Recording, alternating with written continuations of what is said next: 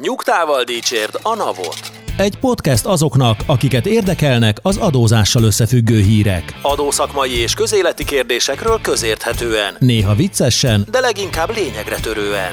Boár György és Radnai Károly, valamint állandó beszélgetőtársuk Horváth Dániel, Két hetente összefoglalja, amit nem akarunk hallani, de mégis mindenkit foglalkoztat. Sziasztok! Ez itt a Nyugtával dicsérd a Navot, az új podcastunk, ahol hárman beszélgetünk, mind a hárman adózással foglalkozunk. Engem Horváth Dánielnek hívnak, a beszélgető partnereim Radnai, Radnai Károly és Boár György. Sziasztok! Sziasztok! Ez a második adásunk, reméljük az első tetszett. Igyekszünk két hetente jelentkezni, és minél szórakoztatóbb és egyben hasznos tartalmakkal is szolgálni a részletekre. Az aktualitást is nagyon fontosnak tartjuk. Ennek megfelelően kicsit foglalkozunk is a nemrégiben véget ért futball Európa bajnoksággal, amit az én véleményem szerint egy kis meglepetésre, de annál megérdemeltebben Olaszország nyert.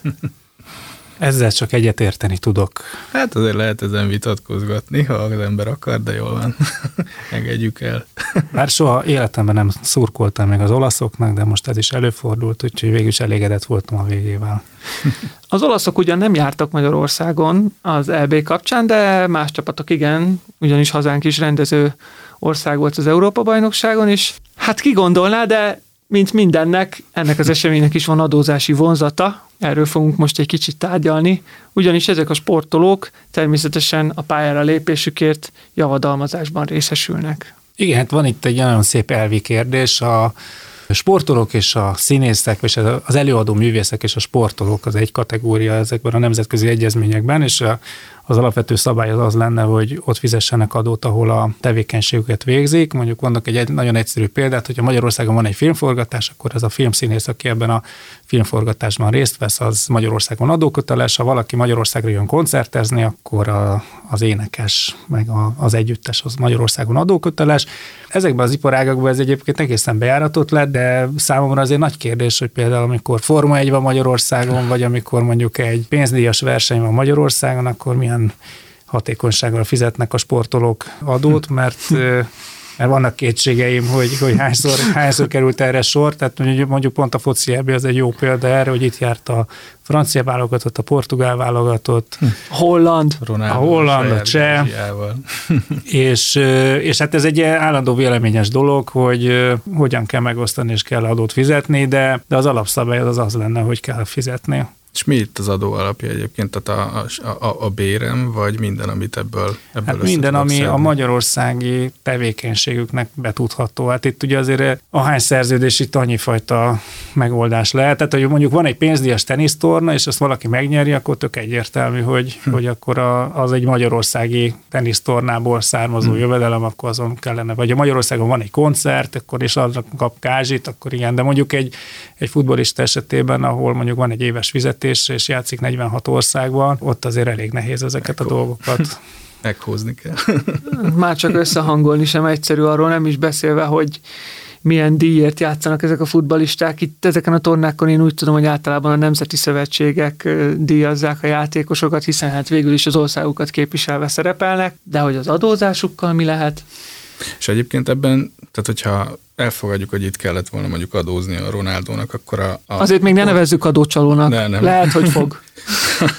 Van erről egy másik ítélet Spanyolországban, de ezt most ne nyissuk ki. Tehát, hogy, a, hogy elfogadjuk, hogy a Portugál Szövetségtől kap javadalmazást ezért, és a reklámpénzekért kell, hogy kapjon bármit. Szerintem Vagy fizetni itt bármit. Nekem van egy olyan emlékem, hogy itt, amikor ez az egész esemény létrejött, akkor a magyar kormánynak kellett az UEFA-val kötni egy szerződést, és erre van most egy külön államközi, vagy kvázi nemzetközi egyezmény, ami, ami ezeket a jogszabályokat felülírhatja. Bár hozzáteszem, hogy mondjuk egy spanyol sportolónak a magyarországi adózását nem tudom milyen módon lehet felülírni egy UEFA magyar kormány egyezménnyel.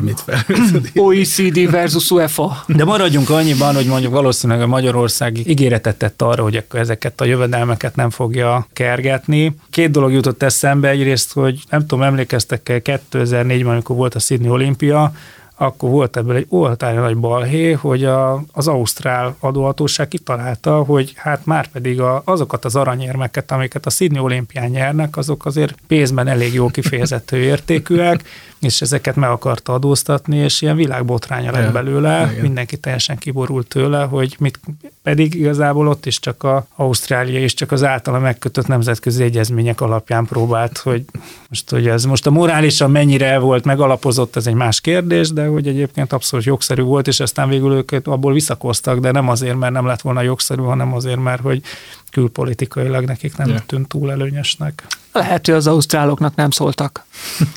Na de ha már reklám, ezeknek a futbalistáknak a reklámértéke is hatalmas, és nyilván, mint mindenre, akár a reklámra is lehet adót kivetni. Magyarországon újra helyzetbe kerülhet a reklámadó, nem régen már létezett ez, a, ez az adózási mód, most sem szüntették meg, csak felfüggesztés alatt áll, de mi a legfrissebb helyzet? Hát úgy tudjuk, rossz nyelvek szerint, hogy az azért került csak felfüggesztésre, mert az UEFA kifejezetten előírta, hogy csak akkor hozza Magyarországra ezt az eseményt, hogyha a magyar kormány garantálja neki, hogy az itt végzett tevékenysége után neki Magyarországon nem kell adót fizetnie, és mivel a reklámadó az vonatkozott volna az UEFA-ra is, és az EU-s szabályok szerint máshogy nem lehetett volna kivételezni vele, azért egyetlen egy megoldás volt, hogy akkor senki ne fizesse a reklámadót, ezért van ez a hülye helyzet, hogy nem hatályon kívül helyezték a reklámadó törvényt, hanem egyelőre csak működésében felfüggesztették, tehát hatályos, csak éppen 0% a kulcs. Igen. Még kiváló apropó volt a felfüggesztésre az EU-s ügyünk ezzel kapcsolatban. Igen, az Európai Bizottság támadta a reklámadót a több okból kifolyóan is, de ezt a keresetét már a törvényszék előtt, illetve nemrég egyébként az EU bíróság előtt is elbukta. Hm. Nincs akadálya a reklámadó visszavezetésének, ezt tudjuk konkludálni. Abban a formájában, ahogy működött, azért én nagyon nem örülnék, ha visszavezetnék. Az egy sok tekintetben nem túl korszerű adó volt, tehát hogy próbálták úgy alakítani, hogy csak a külföldiekre vonatkozzon, vagy csak a gazdasági túlsúlya rendelkezőkre, nem akarok belemenni, hogy aztán amikor utána átrendeződött a piac, akkor ez már nem volt olyan fontos, utána ilyen sok buktatót megélt, felfüggesztették, visszavonták, hatályon kívül helyezték, visszamenőleg visszavonták, igen. lefelezték, aztán a végén most megint felfüggesztették, tehát hogy igazából inkább csak kudarcokkal volt teli, nem is tudom, hogy egyáltalán bármennyi adóbevétele származott az államnak, pedig vagy öt évig működtették, és amire egyébként meg eredetileg kitalálták, hogy a, vagy hát nem erre találták ki eredetileg, de amire egyébként szerették volna szintén felhasználni, hogy a Facebookot, a Google-t, meg a többi nagy digitális céget megadóztassa, mert hogy ezek reklámbevételekből élnek, ez aztán totális kudarc volt. Hát igen, egyébként valószínűleg egy kicsit technikailag jobban végig kellett volna gondolni a szabályozást, hogy ők megfoghatók legyenek. Egyrészt, másrészt meg hát felvenni a kesztyűt egy Google-lel vagy egy Facebookkal ebből a székből innen Budapestről elég komoly kihívás. Tehát egy hatalmas erőfölénynek tűnik. Meglátjuk, hogy mi lesz a reklámadó sorsa, minden esetre kíváncsian várjuk, de ha már a mai napon ilyen nemzetközi vonatkozások kerültek előtérbe, akkor folytassuk ezen a vonalon. Tudni lik, bevezetés előtt áll a globális minimum adó. A magyar kormány természetesen ellenzi ezt az új adónemet, de hát fejtsük meg, hogy vajon miért? Ha mag én magamhoz ragadhatom a szót, tehát egy globális minimumadót szerintem, tehát azt önmagában, mint koncepciót szerintem sosem ellenezte a magyar kormány sőt, tehát ami egy korábbi verziója, az pontosan, hogyha a reklámadóhoz visszakanyarodhatók, egy nagyon hasonló adóztatási típust vezetett volna be, tehát hogy a digitális cégeket úgy adóztatta volna, hogy nem feltétlenül ahol a székelyük van, hanem ahol a fogyasztók vannak, és ennek egyértelműen Magyarország is haszonélvezője lett volna.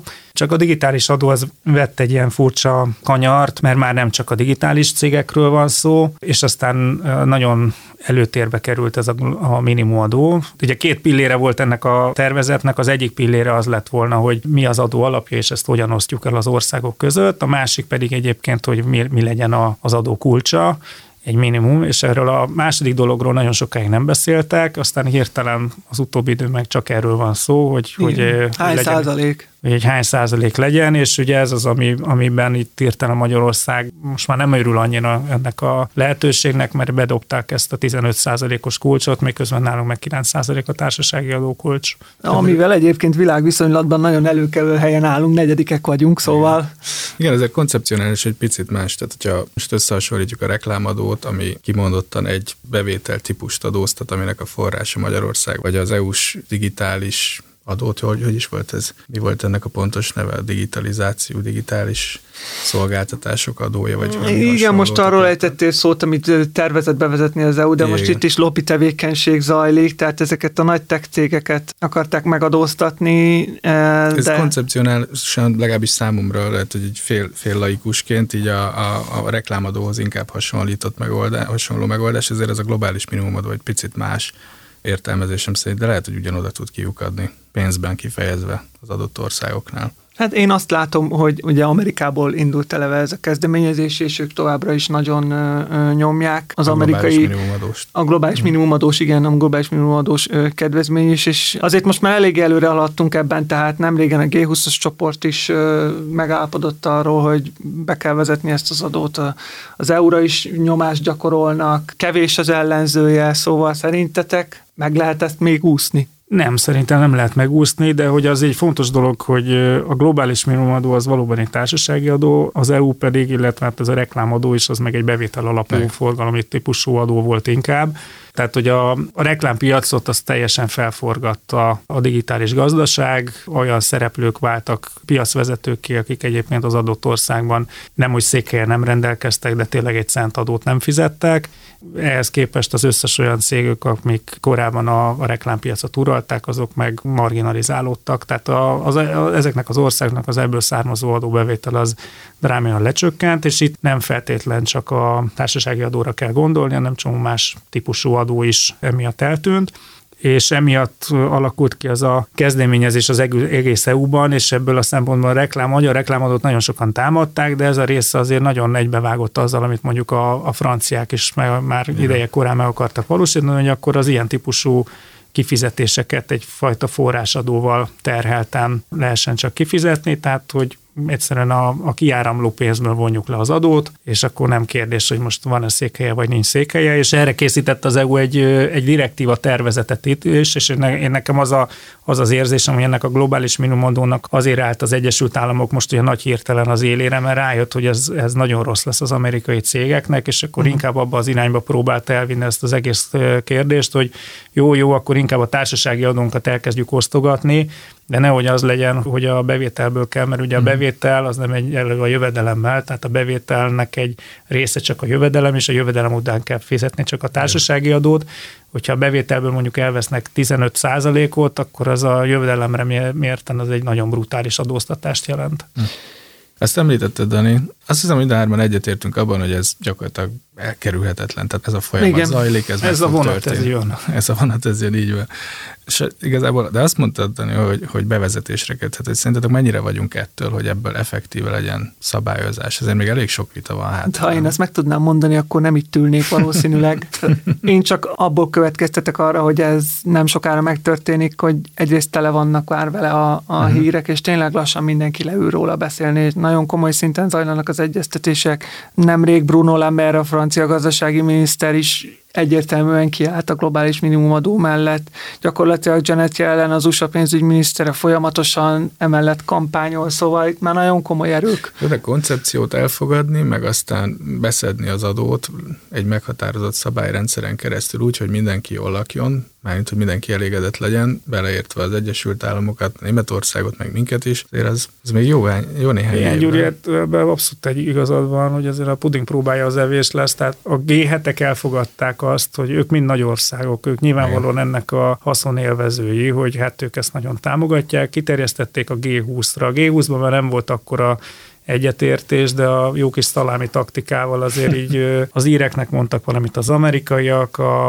a lengyeleket azokat megolvasztották a franciák, kicsit olyan, olyanná kezd ez válni, mint az Európai Unió, hogy aztán mindenki kap valamit, és aztán utána megy tovább a szalámizás, és mondjuk Magyarország volt az egyik az egy nagyon kevesek közül, tehát azt hiszem Észtország, Írország és Magyarország volt az, aki ezt hangosan ellenezte. Igen Ebből az írek nagyjából most kiestek, az észtek meg mi meg hát nem vagyunk igazából számottevő szereplők, és úgy magunkra maradtunk, tehát hogy, hogy nagyon az igazodás lesz itt az egyetlen út, viszont pont azért, mert hogy itt ebben annyi kompromisszum van, lehet, hogy ez a dolog annyira föl fog kigulni, hogy a nagyon drámai dolgokat már nem fog okozni. Hát legalábbis a, a magyar szinten. Tehát, hogy a hipát is hozzá lehet számítani ez a effektív adóterheléshez, akkor Ja, most erről is zajlanak az egyeztetések, de tényleg senki nem tudja, hogy végül mi kerül a papírra. Igen, csak hogy a hallgatók is hogy értsék, hogy, hogy miről beszélünk, tehát hogy a szabálynak az lenne a lényege, hogyha mondjuk Magyarországon csak 9% a társasági adó, és de 15% a globális minimumadó, és ezt a 15-öt Magyarország nem szedi be, akkor mondjuk ha egy német vagy amerikai anyavállalat van, akkor a német vagy az amerikai adóhatóság ezt a 6% különbözetet beszedheti, és akkor feljön a kérdés, hogy Hogyha ezt egyébként is be kell fizetni ennek a cégnek, akkor miért nem mi szedjük be, de ha mi szednénk be, akkor föl kéne emelni a 15%-ra a társasági adót, akkor a magyar cégeknek is 15%-ot kéne fizetni, akarjuk ezt vagy nem. És ezt a kérdést lehet, hogy okafogyottá teszi azt, hogyha az iparűzési adót hozzá lehet adni, mert hogy az is bizonyos szektorokban, bizonyos cégeknek jövedelem típusú adónak minősíthető, azért a nagy általánosságban nem, de hogyha hozzá lehet adni, akkor valószínűleg ez azért olyan nagyon nagy felfordulást nem fog okozni. Ahogy a nagyok szokták mondani, meglátjuk, mi lesz. Jó.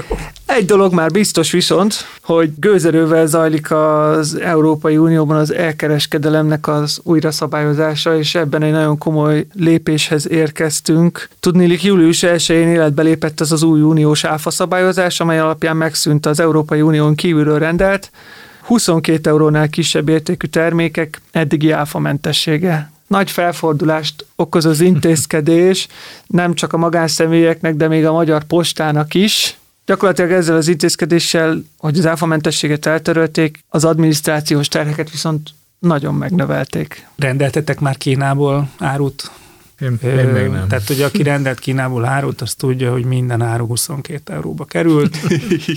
Nem, mindegy, mennyibe került, ez egyébként, de az, ami arra rá volt írva, az biztos 22 euró volt, vagy kevesebb, pont azért, hogy ne kelljen azon áfát meg vámot fizetni, és ugye az, a fogyasztó szempontjából ez egy kényelmes dolog volt, a gazdaság szempontjából, és itt most nem csak magyar, hanem az egész EU-s kereskedelmet nézve, viszont azért ez egy nagy versenyhátrányt okozott a tisztességesen működő helyi cégeknek, akik egyébként egyébként ugyanazt a terméket nem 22 euróért, hanem azon az áron adták, amennyi nekik a beszerzés plusz a profit volt, és ezzel nagyjából versenyképtelenné váltak, mert ő nekik rá kellett rakni a helyi áfát, plusz amikor ők ezt importálták, akkor ők nyilvánvalóan nem a 22 eurón uh-huh. szedték be, hanem, hanem azon az áron, amennyibe került, és vámot is fizettek rajta, és emiatt bizonyos szektorok teljesen versenyképtelenné váltak Kínával szemben és ezért szerette volna az EU ezt a administratívan könnyű, de egyébként gazdaságilag nagyon nehéz kérdést ezzel megoldani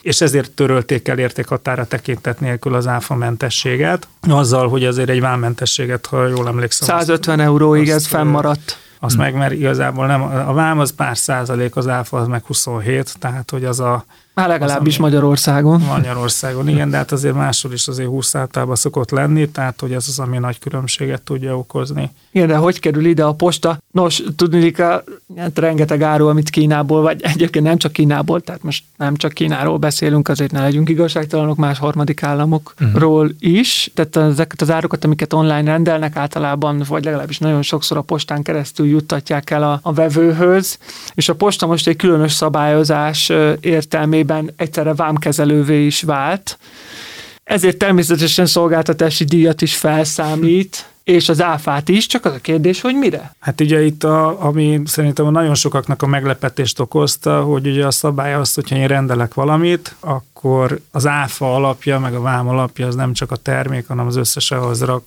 hozzárakódó szolgáltatási díj lesz, ami igazából én terméket akarok megvenni, és hogyha hiába a termék egyébként 10 forint, de ezt nekem 3000 forintért hozzák ide, akkor én azt a terméket igazából 3010 forintért fogom megvenni, és az áfa meg a vám az így működik, hogy akkor igazából hajlandó voltam 3010 forintot kiadni ezért a termékért, akkor a 3010 forint után fizesse meg az áfát, és ez az, ami szerintem nagyon sokaknál kiütötte a biztosítékot, de, de ez van, mert ez a törvény, hogy minden, minden ilyen addicionális szolgáltatás, ami a beszerzéshez járulékosan kapcsolódik, az áfa alapját képezi, és ezért alakultak ki anomáliák, hogy a terméknek, termék árához képest aránytalan sok volt az áfa. Hát igen, most főleg a szállításról beszélünk, ugye, ami beépül az adó alapba ilyen módon, és a postának egészen érdekes számlái keletkeztek, amik az internetre is felkerültek. Egyébként kiegészítették a tájékoztatásukat erre vonatkozóan, mert az első tájékoztatásban ez nem szerepelt. Talán ezért is volt annyira meglepő sokak a számára.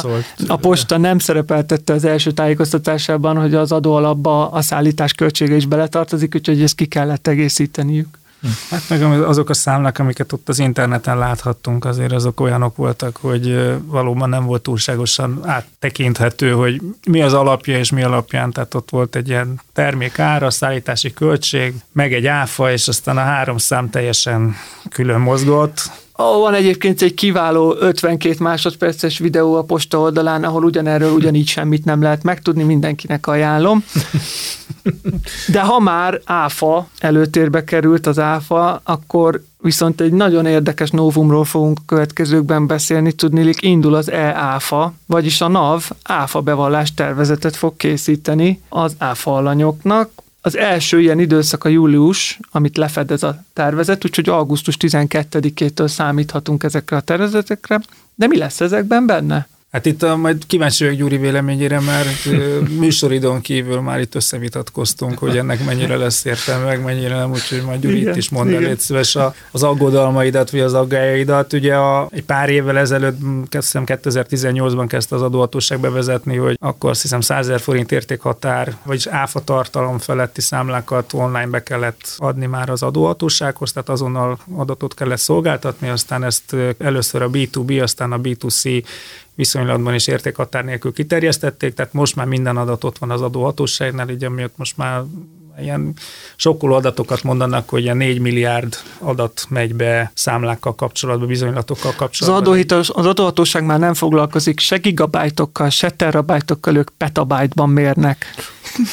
És hogyha már ilyen sok adata van az adóhatóságnak, akkor felmerült, hogy akkor az ESZIA-hoz hasonlóan az áfát és áfa bevallást is rakja össze. Annyiban hibázik a dolog, hogy csomó mindent nem tud az adóhatóság eldönteni, tehát nem tudja egy számláról feltétlenül eldönteni, hogy aznak az áfája levonható, vagy nem annak az adott cégnek a esetében, mert ez a körülményektől is függhet, illetve csak a magyar tranzakciókról van információja, a külföldiekről nincs.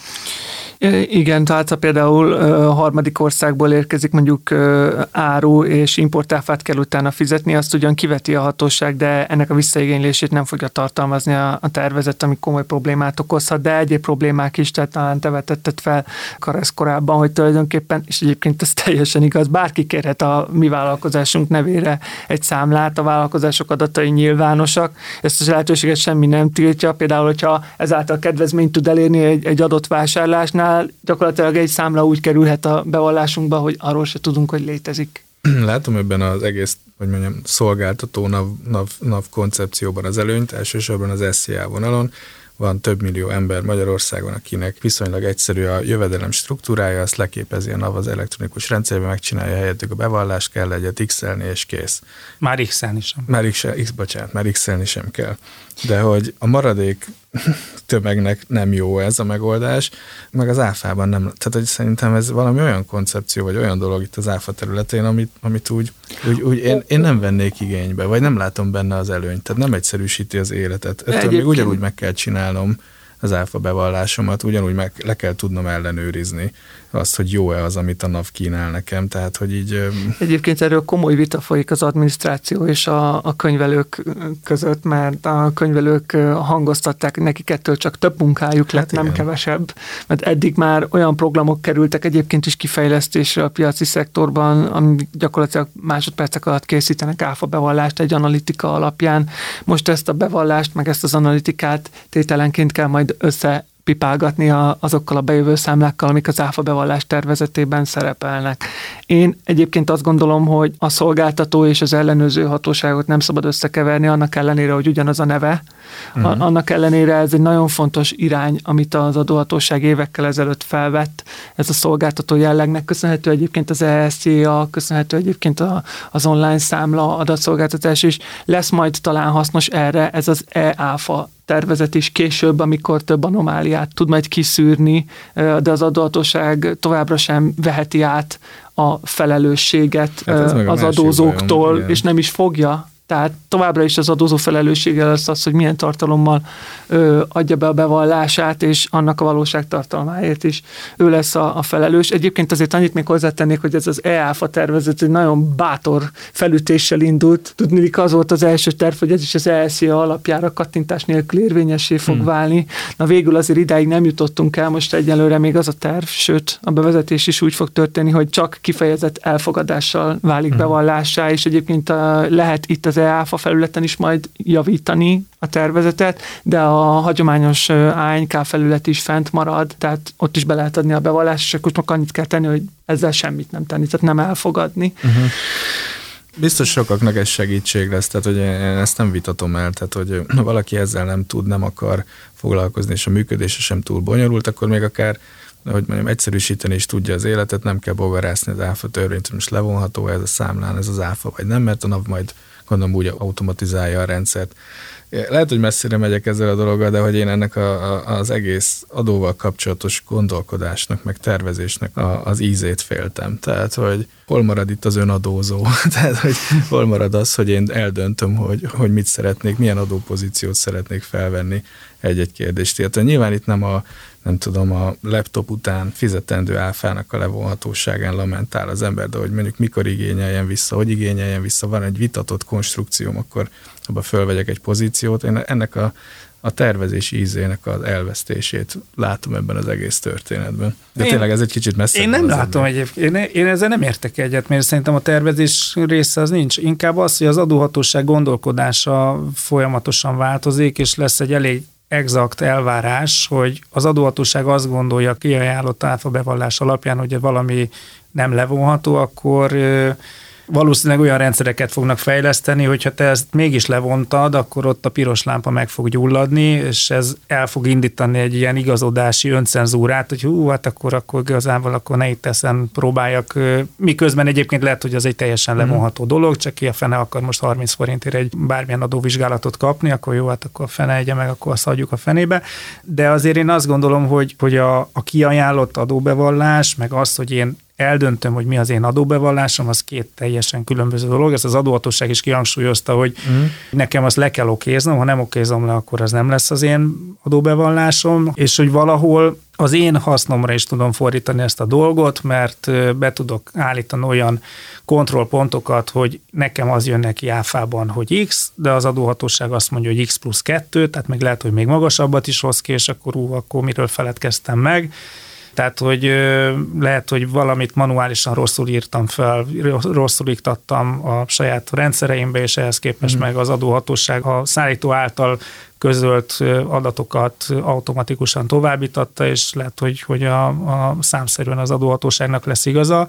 Tehát, hogy, hogy ennek azért van előnyös része, és igazából inkább az a veszély ennek az egész történetnek, mint amivel itt az egész digitális világban élünk, hogy nagyon kényelmes a, a mesterséges intelligencia, ami minket körbevesz, csak egy idő után aztán azt érezzük, hogy már mi igazodunk a mesterséges intelligenciához, és a mi viselkedésünk változik meg azt szerint, hogy hogy működnek a digitális algoritmusok, és nem fordítva. Én azt gondolom, hogy az adóhatóság annak a folyamatnak a részese, és nem feltétlenül az alakítója, ami a digitalizáció és ami az életünket kitölti minden szinten. Tehát mindent szeretnénk a mobiltelefonunkkal elintézni, a számítógépünkkel elintézni, hogy ne kelljen buszozni, taxizni, ilyen problémákkal megküzdeni.